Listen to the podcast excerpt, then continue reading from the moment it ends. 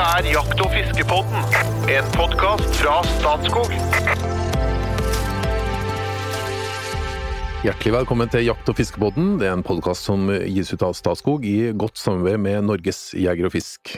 I dag skal vi inn på begrepet teknologijakt, fordi at jakt som har foregått til uminnelige tider, har aldri vært så teknologibasert som i dag. Vi snakker om varmesøkende kikkertsikte, avstandsmålere, jaktradio, avanserte hundepeilere og viltkamera og mye annet. Eh, Med oss i studio har vi Espen Farstad, informasjonssjef i Jeger og Fisk. Jo Inge Bresjeberget, fagsjef jakt og fiske i Statskog. Hei, hei. Og ikke minst har vi med oss Vidar Nilsen fra Norges Jeger og Fisk. Hei, hei. Og sistnevnte, du har ganske god innsikt i hvordan teknologien er i ferd med å innta jakt. Nå, nå tenkte jeg å si norsk jakt, men det, det her er vel jakt generelt i verden. Det er nok jakt generelt i verden, ja. ja vi Hva, følger, hva er trendene som skjer? Nei, kanskje de siste åra så har vel kanskje trendene vært uh, mest rundt ny uh, optikk.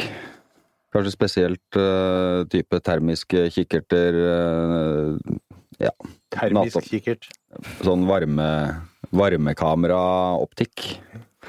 Eh, og ellers eh, digitale kikkerter som kan brukes både dag og natt. Det er vel kanskje noe av det som har kommet, eh, kommet best av nå de siste åra. Spesielt på kikkertsiktefronten, altså. Ja, både kikkertsikter og håndkikkerter. Og på håndkikker da er det avstandsmålere i dem, eller? Både med avstandsmålere i og, og da håndkikkerter som har disse her med varmekamera-kikkerter, eh, rett og slett. Jeg representerer da i dag avdelingen for dumme spørsmål, så vi, vi skal ta det litt sånn uh, trinnvis. For at i utgangspunktet så er på en måte jakt noe der du kanskje forlater hverdagen litt, og kommer i en sånn gammel, instinktiv eh, rolle. Mm. måte, Du forlater da den moderne verdens bekymringer og går, går tilbake til et, et grunnlag, da. Jeg skal prøve å ta en filosofisk tilnærming. Og så blander vi inn teknologi i det for å forbedre, vi må vel si det, forbedre og gjøre jakta mer sikker og bedre. Espen, Ja. hva tenker du rundt teknologifisering av jakt? Dette har jeg tenkt ganske mye på, faktisk. fordi at når jeg, er, når jeg en typisk eh, lørdag eller søndag ute i november eh, drar og ja- skal jakte rådyr med, med mine rådyrvenner, så, så kommer man ikke unna å måtte gjøre seg noen sånne refleksjoner. For at jeg, jeg tror det er helt riktig. Sånn, sånn, øh, for meg i hvert fall, personlig. og nå, hvis man går filosofisk til verks, så får det bli personlig. For jeg kan ikke prate for andre. Men for meg sjøl så handler dette om, om å komme vekk fra hverdagen på en måte og drive med noe helt annet. Og du rører, jeg har sagt noen ganger, at du rører med noen sånne urstrenger inni deg. Eh, det? Du skal overliste vilt og, og du, jeg det, alt dette her? Som, som, som er noe annet enn det du driver med til daglig, hvor du sitter foran en skjerm og alt er planlagt og det er kalender og outlook og alt dette her. Så det er noe annet. Men så når vi skal starte jakta, da. Så, så er vi samla liksom på plassen der sånn, og bikkja trekker i båndet, og vi står og fikler med teknologi. Det, det gjør noe så til de grader. Vi skal opp med mobilen og få den der WeHunt-greia til å operere og spille sammen med de andre, og jaktradioene, hvilken kanal var og hører ikke, og det her er noe gærent, og, osv., videre, ikke sant. Og du har peiler på bikkja, så du står jo med en sånn der peilegreie, så du strutter jo antenner og alt mulig sånn, og da gjør man seg litt refleksjon at jeg er jeg i ferd med å bli tatt igjen nå av, av hverdagen min allikevel Ja, ja, her sånn? ja. Og, og så kan man le litt av det, da, ikke sant. Og det kan jo trekkes enda lenger i spesialiserte sikter og alt dette som vi sikkert skal komme inn på. Eh, Men så tenker jeg at alt dette er jo i den gode hensikt. Det gjør jo ikke noe om jeg fikler med teknologien. Jeg har faktisk opplevd at rådyr løper forbi meg på post mens jeg egentlig står med nesa nedi teknologien. Og, og da, jeg, da har du lang nese, altså, når du står der. Men det skader jo ikke rådyret. Så det, det gjør på en måte ingenting. ikke sant? Og så er det noe med teknologien gir oss jo fantastiske muligheter til å vite Jeg veit hvor Jo Inge er på post, jeg veit hvor ikke sant? Altså, jeg får det realtime inn, og det er sikkerhetsaspekt i dette, og vi kommuniserer godt underveis. Alt dette er jo bare bra. Tenker jeg. At det er bare bra. Så får hver enkelt finne ut av hvor langt man vil dypdykke inn i teknologien og ta den med seg ut i skauen. Eh, når jeg går på, på jakt etter tiur, så, så vil jeg jo gå i denne her slitne fleecegenseren min og ikke noen ting. Jeg vil ikke snakke med noen, og telefonen ligger igjen hjemme, ikke sant. Så da vil jeg være helt uten. Men noen ganger så vil jeg søke teknologi. Men så kommer det bruk av teknologi inn i jaktsituasjonen, altså i, i, i, i fellingssituasjonen, ikke sant. Og da blir det på en måte noe helt annet. Og det kan ikke jeg så mye om, det er Vidar-stoff, altså. For da bruker vi liksom kikkersikter som kanskje gjør at jeg strekker kompetansen min og, og nivået mitt og alt mulig sånt. Så, det, det, så jeg, der er jeg veldig forsiktig og tilbakeholden. Hvordan utstyr eh, føler du selv, eller hvordan utstyr har du sjøl som har eh, I, nei, i forhold til dette, så- nei, det nærmeste jeg har et helt vanlig kikkersikte på rifla mi, og that's it. Ja. Ikke noe mer. Jeg har ikke turt å bevege meg ut i noe annet, men jeg er nok kanskje i overkant Ja. forsiktig, da. Ja, for du, du er også sånn eh, ikke Du, du syns kanskje at det er vel så artig med støkkjakt som med Ja, ja, ja, som bruk av hund og så videre. Så du, du unngår det, er, det, er det sånn at du unngår situasjoner men- der det blir for mye eh, Vil det, er en sånn mann mot natur? Ja, det, det, Noen ganger så ønsker jeg jo det, det er helt riktig. Men jeg er jo som sagt også med på sånn type lags- lagsjakt som, som rådyrjakt er, og da inngår jeg liksom i en kommunikasjonsgreie sammen med andre. Og syns for så vidt det er greit, men jeg, jeg, jeg ler litt av meg sjøl noen ganger, eller av oss når vi driver med det. men, men, men det funker, det. Og det funker bra. Men, men liksom, som sagt, inn i selve jakt, altså skytesituasjonen, har jeg ikke liksom turt å, å bringe dette. Mm. Jo, jeg, jeg har en avstandsmåler. Ja. Uh, og den bruker jeg faktisk ganske aktivt når jeg, når jeg setter meg på post i skauen. For det, ofte så sitter jeg jo med hagle uh, på post på rådyrjakt, og da vil jeg vite avstanden ned dit og dit og dit på forhånd. Sånn at når dyret kommer i en litt kjapp situasjon, så vil jeg vite at det er utafor der, så skyter jeg ikke. Mm. For da er avstanden for lang. Så da, da, bruker jeg, da bruker jeg faktisk noe teknologi for å få liksom presise data inn før jeg begynner. Og det er nyttig. Det brukte vel vi òg da du tok meg med på rådyrjakt, Jo Inge. Ja, det eh, sånn at jeg fikk en eh, du, var veldig grei, da. Så jeg fikk en sone der jeg kunne skyte, og en eh, sone som var utafor. Ja. Hvordan påvirker teknologien jakta di? Nei, Hva, hva setter du meg inn på det egne jakterommet ditt? Jeg kjenner meg igjen litt i det Espen sier, da. Eh, For jeg, jeg er mest fri uten denne teknologien. Jeg prøver liksom å fri meg fra teknologien når jeg er på jakt, men eh, jeg må innse det òg, at jeg kommer dit, ja. Og det er typisk da på lagsjakt, som Espen sier. Så jeg klarer meg ikke uten jaktradio, det er jeg nok ikke, på lagsjakt. Elgjakt og rådyrjakt. Det er veldig vanskelig, i hvert fall. Og avstandsmåler, den bruker hele tida, og det er jo et sikkerhetsaspekt, som Espen sa. Og så har jeg skutt på meg tinnitus på begge ører, så jeg må ha hørselvern, og da bruker jeg elektronisk hørselvern. Eh, Så de er uunnværlige for meg. Ja. Og hundepeiler har jeg. Det må jeg innrømme. Og så bruker jeg viltkamera til overvåking da, av rådyrene mine, for eksempel. Men, men langt på vei alt det andre kan jeg klare meg uten. Men jeg tror ikke jeg klarer den lagsjakta her uten jaktradio. Og rådyrjakta mi uten hundepeiler blir vanskelig, i hvert fall. Og så er det den avstandsmåleren den bruker hele tida for å kalibrere. Det er mange som tror de har avstandsmålere innbygd, men de får seg stort sett en overraskelse når de begynner å måle. Mm, mm. Og, og det, den, den har hjulpet meg, som Espen sier, rådyrjakt med hagle, eksempel. Da skal jeg vite at det ikke er skutt på for lang hæl. Og da bruker jeg avstandsmålen til å sjekke det. Altså jeg finner meg punkter, og så sjekker jeg om det stemmer. Og det er veldig nyttig. Det kan anbefales. Men da, da, da har det jo en, et aspekt som jeg, jeg kan akseptere. Mhm. Nå er jeg spent, for nå, da, nå lurer jeg på om vi piker på utstyrsnivået når vi går til Vidar her nå. Jeg kan nesten si copy-paste eh, okay. ok. her. Det, det nei, det er den lagsjakta hvor, eh, hvor eh, jaktradioen er uunnværlig. Hundepeileren er kanskje ikke uunnværlig, men det er jo voldsomt kjekt å vite hvor den bikkja går. Det er mye morsommere. Og så er det mye artigere. Du kan, klare deg uten peiler før jaktradioen. Ja, jaktradioen er, den er førstepri. Ja. Og, så er det den avstandsmåleren. Den er jeg også veldig, veldig glad i. Og så blir det fort noe hørselvern eller ørepropper som krever noe, noe batterier også. Da har man jo gjerne telefon, eh, telefon med seg også. Så det, det blir litt elektronikk. Men eh, ellers så den eh, avstandsmåleren, den bruker jeg mye, altså. Og det er ikke ikke for det at man liksom trenger å skal skyte på så lange hold, men det er jo det å sette den grensa, sånn som du snakka om. at hvor langt er det bort eh, til enden av det jordet der? Er det innafor eller er det utafor? Eller på rådyrjakt på korte, korte hold, hvor går eh, grensa for et haglskudd? Eller kanskje på duejakt, hvor langt er det til nærmeste, nærmeste hus? Har jeg sikkerhetsavstand nok til å kunne skyte i den og den eh, retningen? Så den er egentlig med på alle typer jakt. På hvilken måte endrer det både jakta og jegeren over tid? Det som skjer?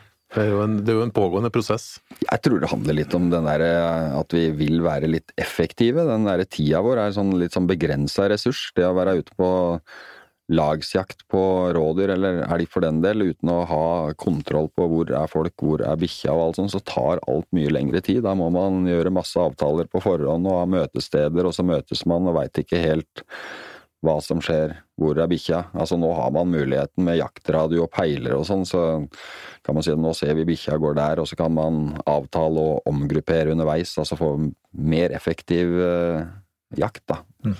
Og mindre men, men jo, venting. Men det, ja, ikke sant. Men, men det er, står jo egentlig litt i motstrid, sånn filosofisk sett, til hvorfor vi egentlig er ute i skauen. For at du tar med deg en uro. Du tar med deg en uh, Ut i skogen. uro. Gjør det. Ja, det gjør det. Altså, vi kommer ikke unna det. Så det er klart at uh, noen ganger så skulle vi kanskje hatt godt av ikke gjort det, men Jeg er ganske sånn sikker på at du er òg utålmodig etter å sitte og vente på noe hvis du ikke veit At du ikke, ikke veit om du venter på noe. kan jeg ikke skjønne. Men hvor går grensen da, Vidar? For vi hører jo da om folk som kjøper, eh, kjøper kikkersikter som har så mye kan jeg kalle det aktiv elektronikk, eller Jeg kan ikke begrepene engang på dette her. Altså hvor folk liksom på en måte bruker elektronikken aktivt inn i, i skytesituasjonen, da, for å si det sånn? Ja, Du får jo avanserte kikkerter nå. Én ting er at man har den der rødpunkten eh, som liksom lyser opp akkurat korset inni, inni, eh, inni kikkertsiktet.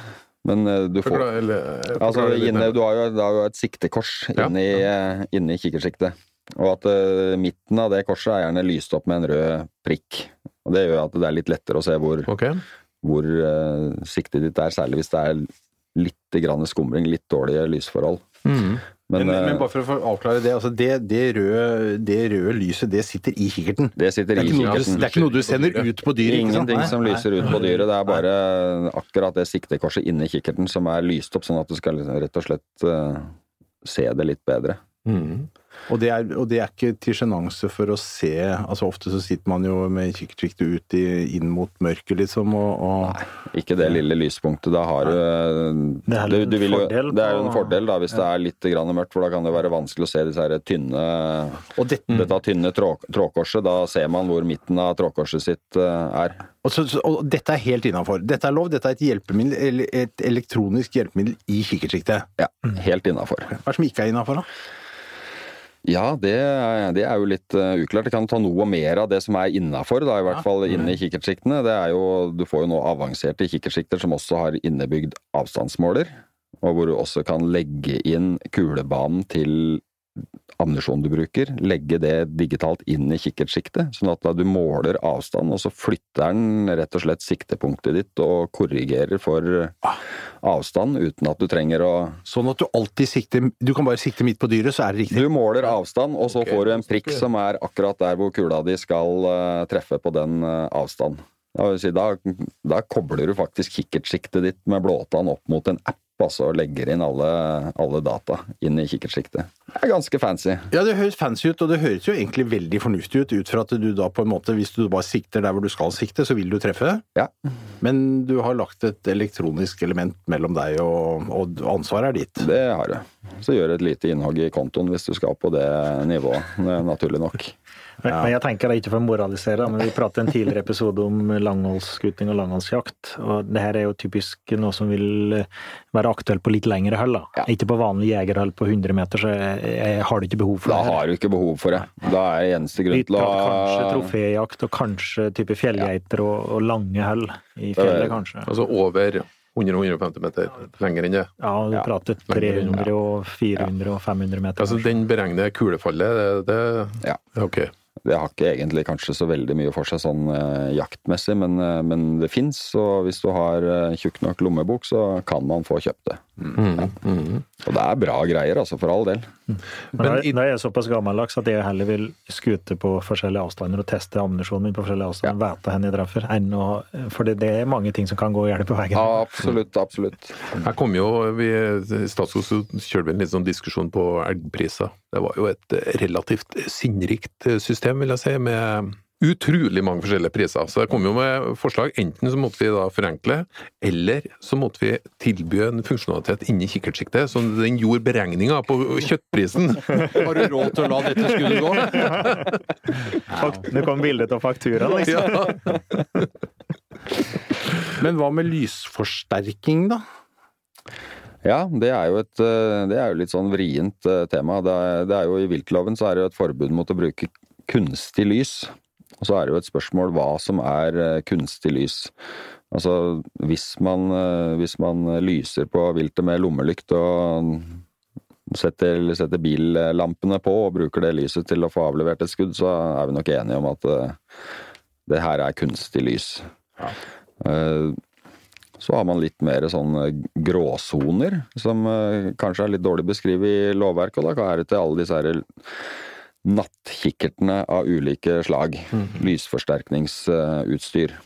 De brukes jo gjerne i kombinasjon med, med et sånn IR-lys, som er rett og slett eh, usynlig lys som eh, du belyser eh, målet med, som gjør at du ser godt i en sånn nattkikkert. Der kan man vel også si det at hvis man setter på en sånn IR-lommelykt og lyser på, på hjorten, så er det kunstig lys. Det er bare ikke synlig for det Ja, for da sender du et lys av gårde, Da ikke sant? sender du lyset av gårde. Og så er det jo spørsmålet, hvis du ser bort fra det lyset du sender av gårde, da, er da en sånn lysforsterkningsoptikk, er det kunstig lys? Her finnes det flere forskjellige typer. Sånn tradisjonelt så har det vært eh, disse her som man kanskje har sett på TV, at man ser sånn grønnaktig bilde. Det er en sånn eh, ja, det er noen radioaktive saker inni kikkerten som gjør at man forsterker eh, lyset. De funker ganske bra også uten at man lyser på mål med en sånn IR-lommelykt. Og så har man noe man kaller digitale kikkerter, digitale nattkikkerter. De er jo egentlig bare et videokamera med en veldig lysfølsom eh, bildebrikke. Spesielt eh, følsom for det IR-lyset som eh, man da har- mest om, om natta. Og så har man det som man kaller termiske kikkerter, eller som noen sier varmesøkende kikkerter. Det er jo, de er vel ikke akkurat varmesøkende, men de registrerer varmestråling, så du får et, eh, får et eh, bilde av, av temperaturforskjellene. Det er heller ikke noe som sendes ut. Det er jo bare en sensor som fanger opp de varmeforskjellene. Så er det jo spørsmål om det her er kunstig lys eller eh, ikke. Vi er, vi er jo godt kjent med at eh, Miljødirektoratet de vil nok hevde at eh, alt det her som på kunstig vis lager et bilde og bruker batteri, da, da snakker vi om at det er kunstig lys. Men hvis man skal dra den tolkninga helt ut, så betyr det jo egentlig at ja, et videokamera, da er jo det også kunstig lys. Du får jo nå også videokamerasikter for de som ønsker å filme jakta, som er kanskje hovedsakelig brukt på dagtid. Men de vil jo funke kanskje også ganske langt utover i natta. Da er vi sånn derre, ja I viltloven så er ikke forbudet mot eh, kunstig lys knytta opp med om det er dag eller natt, mørkt eller lyst. Så her har vi mye, mye problematikk. Er det forbudt å bruke videokamera som sikte om natta, så er det jo strengt tatt forbudt å bruke videokamera som sikte om dagen også, sånn lovmessig. Du må huske på at lovverket er ganske gammelt òg. Med litt oppdatering så er det fra 81, eller? Hvilke Ja, altså det stammer jo egentlig tilbake fra 1800-tallet, det forbudet mot kunstig lys, hvor vi ja. brukte oljelamper og fakler, da, hvor, eh, hvor det her det har skjedd en Det har skjedd litt grann etter det. Da var det liksom dette med kunstig lys, at man lokka til seg eh, tiuren inn på den her fakkelen du hadde med deg og sånn, for enkelt å kunne ta den. Så dette stammer jo liksom fra en litt annen tid enn eh, digitale nattkikkerter og, og sånne ting, da. Så Men det er jo, det er jo altså, hvis, For jeg har jo en enkel rigg på rifla mi, jeg har et kikkersikte på den. Eh, Men selv det, et helt vanlig kikkersikt, er jo sånn at når jeg sitter og ser utover til jordet på kvelden og venter på hjorten, og jeg ser at det begynner å bli mørkt, tenker jeg nei, og så tar jeg og så kikker jeg i kikkerten, og så er det jo lyst som dagen. ja. Eh, Her er ikke noe elektronikk. Nei. Og det er på en måte helt innafor. Det er greit, ikke Helt, sant? helt innafor. Det er helt innafor. Og så er det deler av dette som da tydeligvis er innafor, altså rødpunkt som vi nevnte som eksempel, ikke sant? Som jo er jo da en, en aktiv belysning, men inni kikkerten. Men så på covid, det der med å sende ut noe, det går et, et eller annet skille der, da. Nå har det ikke vært noen rettssaker da, som har eh, gått inn på det. Det har nok vært, det har vært noen rettssaker som har eh, gått på det, men de har ikke tatt eh, spesifikt stilling til om utstyret har vært lovlig eller, eller ikke. Den saken som var oppe i Troms hvor, hvor, hvor en revejeger ble skutt og drept Da ble, det, søppelfylling, det var jo en veldig tragisk affære. da, ble det, da ble det brukt termisk sikte under den hendelsen, men under rettssaken så så ble rettssaken ført som om det var et eh, lovlig sikte, fordi man eh, så vel kanskje ikke noe Holdt på å si at eh, det var tydelig nok at det var et lovbrudd. Og så, så, er, jo, så er jo spørsmålet om eh, hvor alvorlig er det i forhold til det som eh, faktisk saken eh, dreide seg om. At det faktisk var en som var skutt. Og, og så er det jo et spørsmål altså Du har jo et aktsomhetskrav som, som jeger i forhold til paragraf 19 eh, i, i viltloven. Eh, og det er jo sånn, Du skal jo vite hva du skyter på, og det kravet til å være sikker på hva du skyter på, det vil jo altså gjelde egentlig uansett hva slags siktemidler eh, du har. Det vil i hvert fall ikke være noe mindre aktsomhetskrav om man bruker en type nattkikkert enn om du bruker et vanlig kikkertsikte. Man skal jo være uansett det er man ikke grensen for hva vi tror vi kan mestre, hvis vi bruker teknologien til å på en måte bringe oss en gråsone her. Eh, Det blir, blir nok noen gråsoner. Og så er det, er Flytte grisa, tror du ikke? Vi flytter den på et annet punkt, egentlig. Ja, jeg vet ikke. Vi hadde jo dette eksempelet med han nordmannen som skjøt en jogger nede i Sverige nå. Da, Ja, det var ja. jo på i sånne der grønne bilder på Og det var jo til og med filma. Ja. Eh, Og jeg tenker at det, det, uten den teknologien så hadde jo ikke han løsna det skuddet sannsynligvis, for da hadde han vel ikke vært på jakt her, for han hadde vel kunnet jakte uten. Men folk har jo også sett feil i vanlige kikkertsikter. Og holdt på å si, de fleste som har vært ute mye på jakt, har nok også sittet og kikka på noe som de tror er en hjort, og så endrer lysforholdet seg litt, og så viser det seg at eh, nei, dette var ei rot eller en, eh, eller en stubbe.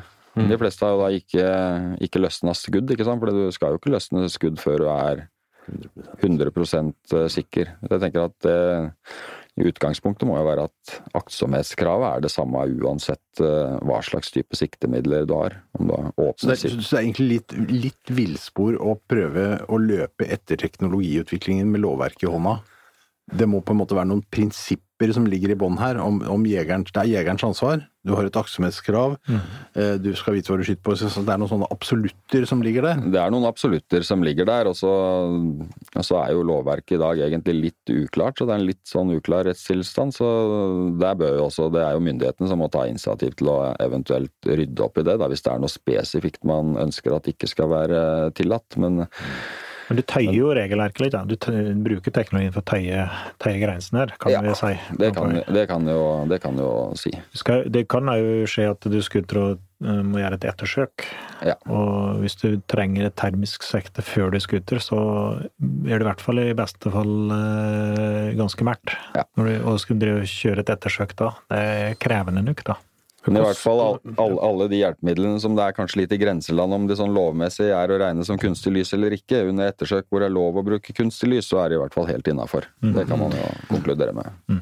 Og da, da kan kan du ha en misjon, tenker jeg. Altså, da, da, er jo, da er vi over i en annen fase. og Da skal vi avleve viltet raskest mulig uten unødige lidelser. Det har jo skutt, villsvin i, i utlandet, der de har brukt termiske sekter for å finne igjen villsvinet. Selv om det er dødt, så så klarer de, når det avgir værmeine, så har det vært en, grei, en greit hjelpemiddel. da.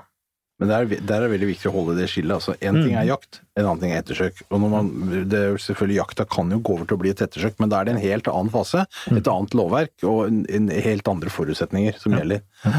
Mm. Hvilken type jakt er det mest aktuelt med, med lysforsterking og varme, altså termiske sikter? I Norge så er det kanskje først og fremst på hjortejakt, eh, som ofte foregår om eh, natta. Og så etter hvert som eh, villsvinet gjør sitt inntog her, så, så er jo villsvin spesielt aktuelt, kanskje.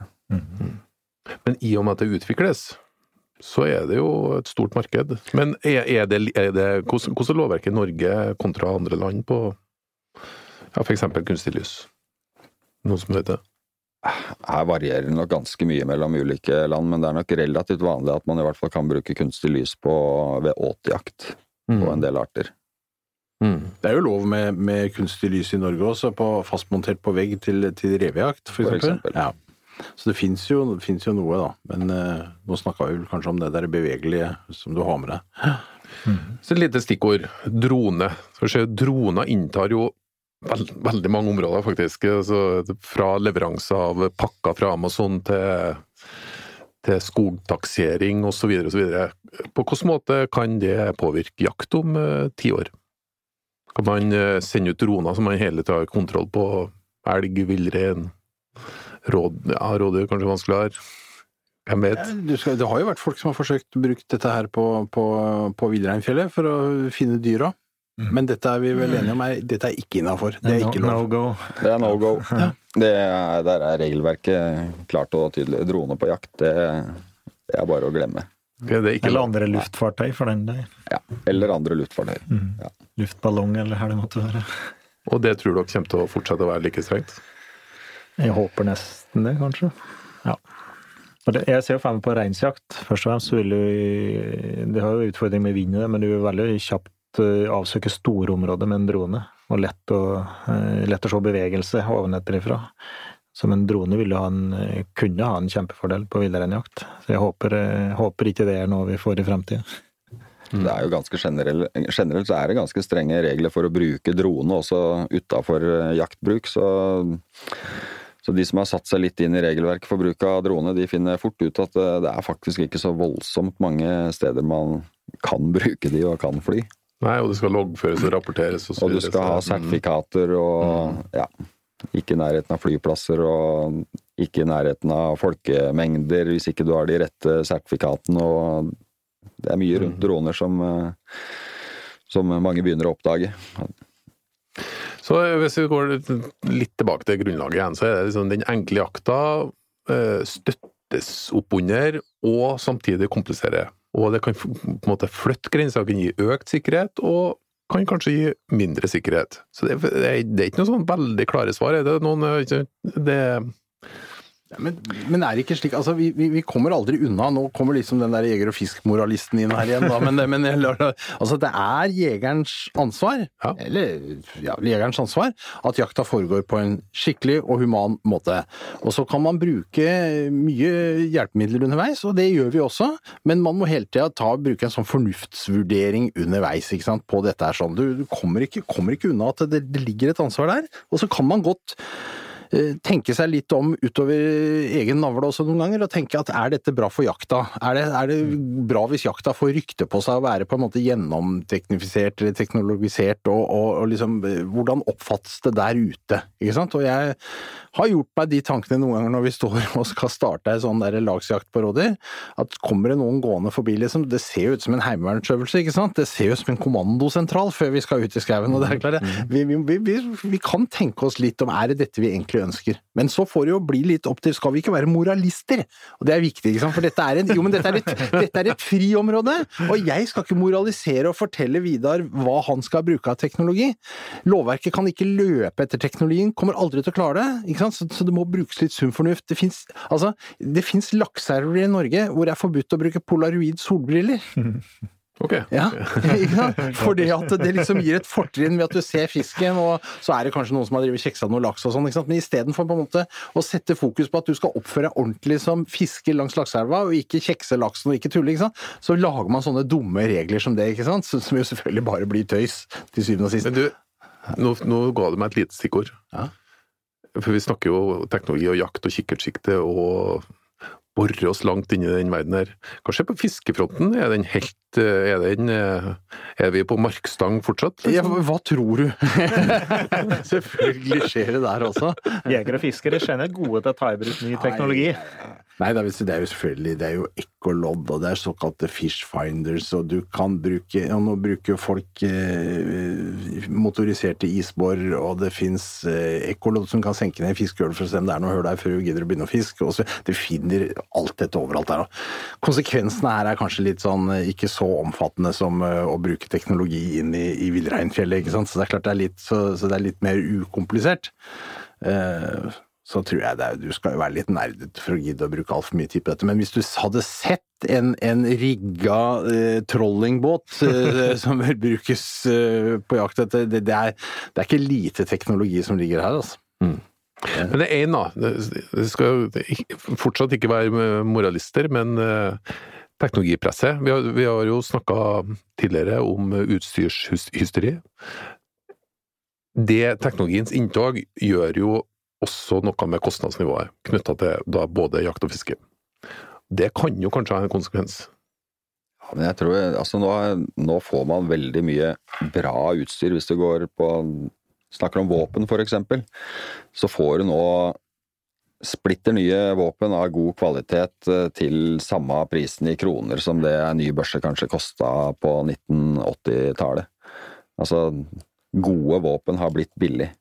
Og så får du selvsagt masse dyre våpen. Du kan bruke uendelig mye penger på det, men du kan få bra saker for en, for en rimelig, rimelig penge. Mm. Så jeg tror at Eller det ser vi jo f.eks. rundt på skytebanene. At hvis du har sett de siste 30 åra, så er liksom kvaliteten både på våpen og optikk Altså, det har økt noe helt uh, voldsomt. Og så kommer alle disse her elektroniske duppedingsene i tillegg, som kanskje er mer eller mindre nødvendig. Men uh, for den som skal ut på en introjakt og sånn, så er det, egentlig, er det, egentlig, i dag kanskje mulig å få seg bra utstyr til en rimeligere penge enn noensinne, tror jeg. Altså, ja, altså det, bare, bare si, at Problemet er ikke at teknologien driver prisen i været. Teknologi er flyrt, sannsynligvis er det for billig. Det er det som er utfordringen. Det er for lett å ta for mye i bruk. Vi har god råd i tillegg. Ja, ja, ja. Men jeg tror i den grad du skal være på lagsjakt, som Espen driver, vi driver med rådyrjakt eller elgjakt, så kan du klare deg Hvis du skal skjære ned til bein, så kan du klare deg uten alt, alt uten jaktradio. Og en jaktradio i dag kan du få kanskje fra 500-700 kroner oppover. Er du, på, er du på lagsjakt, så er det garantert mange nok med der til at det er noen som har kjøpt seg nytt utstyr og har en radio til overs. Ja. Men, mm. men, en radio, altså Jeg, bare, jeg har jo så på VM såpass lenge at eh, jeg var med seg før vi hadde radioer. Mm. og jeg vet jo Bestefaren min de setter ut poster med sykkel, ikke sant. Sykle ut og så sette ut poster på elgjakta. Vi hadde jo tross alt biler når jeg begynte å være med i jakta, men, eh, men da de første radioene var AM-radioer. Og de hadde jo noen og tjue batterier, og så var de som gammeldags mobiltelefon. De veide en kilo eller to. Og med kjempelang stålantenne som de trakk ut, som på en gammel radio. ikke sant? Og så sto det opp et bergeskaft der. Og så hørte du alle mulige italienske båter som skravlet sammen. Som, som var langt hjemmefra og savner mor eller et eller annet. Jeg vet ikke hva de prater om. Og den gikk et jævla regn hele dagen. Det var forferdelig mareritt. Men bare, bare det at vi kunne kommunisere, da med hverandre da, det er et kjempeframskritt. Du kan sette ut poster kjapt, f.eks. et ettersøk. Du kan flette poster, samlingspunkter, liksom finne veldig kjapp kommunikasjon. Og, og, ikke minst sikkerhet. At jeg veit hvor naboen er og kan mm. kommunisere og si at nå sitter jeg her og ser du meg eller rister med lua et eller annet. Så, så, i hvert fall til lagsjakt så tror jeg du kan klare deg med, egentlig med alt annet enn en jaktradio. Altså, du trenger ikke noe av det andre, slik strengt tatt, men en radio, det, det må du ha. Så jeg mistanke om at du eh, ikke tar med deg hundene på jakt uten eh, GPS på dem. Uh, ja, når jeg jakter uh, skogsfugl eller, uh, eller jakter med fuglehund, så klarer jeg meg uten. Men med rådyrhund så, så bruker jeg GPS, ja gjør det. Og det, det, det, Ja, vi blir jo litt bortskjemt, for det er gode hundepeilere i dag. Det har jo skjedd en rivende utvikling der òg. Nå er det jo skikkelig gode hundepeilere. GPS-peilere. Når jeg begynte med peiler, så var det jo radiopeilere som sto og peilet, så var det like sterkt signal bakveien som framveien. ikke sant? Så Hun kunne være i den retningen, eller kunne være helt den andre retningen. Mens nå er det GPS-peilere som viser nesten i sant i hvor bikkja di er. Mm. Og, og det er et sikkerhetsmoment òg. At du kan kan eh, unngå at den springer på vei og blir flatt, eller at den ikke drukner, som er ikke uvanlig med drivende hunder, eller at den hvis den blir tatt av ulv eller være nedulv, så får du i hvert fall med like hjem igjen. altså, det kan være noen sikkerhetsmomenter i det òg. Men, men, det kan jo trekkes langt nok at folk misbruker det. Altså, du ser, du ser veldig kjapt hvor de gode posta er, men peiler. For en en, du kan sette en som setter en strek på GPS-en din, og så hvis rådere har gått mange nok ganger, så vil du finne noen områder som rådere passer ofte. Mm. Du finner, finner, gode poster. Det, det, er liksom det innafor. Ja. Men, men, eh, jeg er jo en på type på elgjakt, der du har peile på hund. Og så kommer hun eh, Har en elgokse, for eksempel. Stor elgokse, så tar dette her ut med hund etter seg.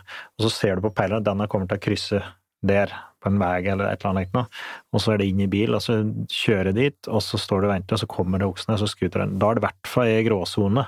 Det er jo ulovlig i Sverige? Ja, jeg er ikke helt sikker på om det lever i Norge heller, men det er i hvert fall i gråsone. Og da, da, tenker jeg at da strekker du strikken for langt. Men det å, å se hvor rådyra går så at det, og elgen for, den, altså for å finne poster, det føler jeg at det er innafor i hvert fall. Det er at du blir en bedre jeger. Dessuten så Det virker ikke helt Jeg har prøvd det mye. Jeg er jo sikker på han skal komme der, men så gjør han ikke det likevel. Hvor tror du veien går videre, Vidar?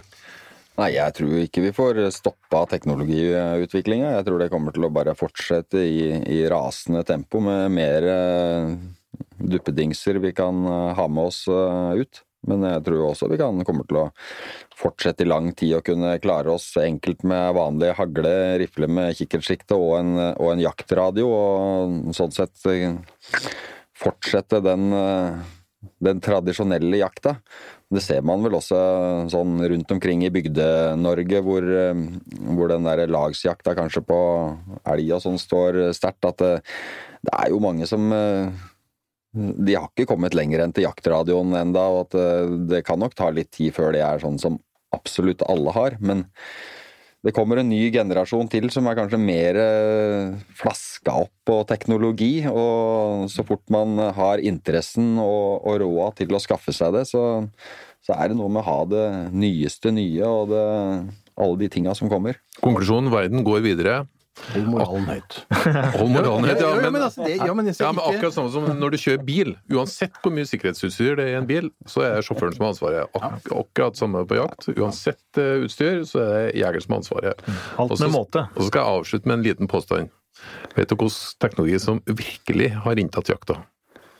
Mobiltelefonen. Det er nok den som sannsynligvis blir brukt aller, aller mest. Ja, helt klart. Mm. Takk til Vidar Nilsen, takk til Jo Inge Bresjeberget, takk til Espen Farstad. Vi kommer sterkt tilbake med nye episoder i Jakt- og fiskepodden.